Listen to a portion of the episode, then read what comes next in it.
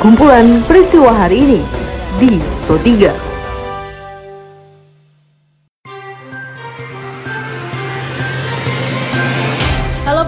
Selamat berjumpa kembali di podcast Pro 3 RRI dengan kumpulan peristiwa yang terjadi pada hari ini.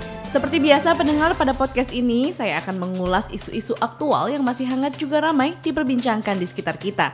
Tentu saja nanti akan saya hadirkan cuplikan informasi dari reporter kami. Saya Tika Nantia, inilah kumpulan peristiwa Pro 3 di ruang dengar Anda.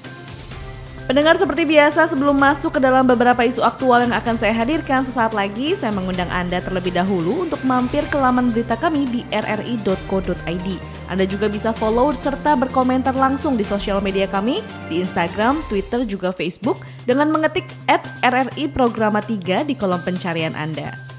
Pendengar kami awali informasi dari putusan Mahkamah Agung terkait dengan peraturan Komisi Pemilihan Umum nomor 5 tahun 2019 ini tidak akan menjadi masalah dan tidak mengganggu jalannya pemerintahan Presiden Joko Widodo dan Wakil Presiden Maruf Amin. Jubir Mahkamah Agung Andi Samsan mengatakan, meski pasal 3 ayat 7 peraturan KPU nomor 5 tahun 2019 dibatalkan, pelaksanaan pemilu tetap merujuk pada Undang-Undang Pemilihan Umum yaitu Undang-Undang nomor 7 tahun 2019 dan Undang-Undang 1945 pasal 6A ayat 3. Diliput reporter Pradita Rahardi, berikut pernyataan Andi Samsan selengkapnya. Kita tetap mengacu kepada Undang-Undang Pemilu nomor 7 tahun 2017 Memang peraturan maka apa peraturan KPU itu Nah, itu uh, apa membuat yeah. norma baru, yeah. menegah lagi. Itu yang sebenarnya tidak perlu ya.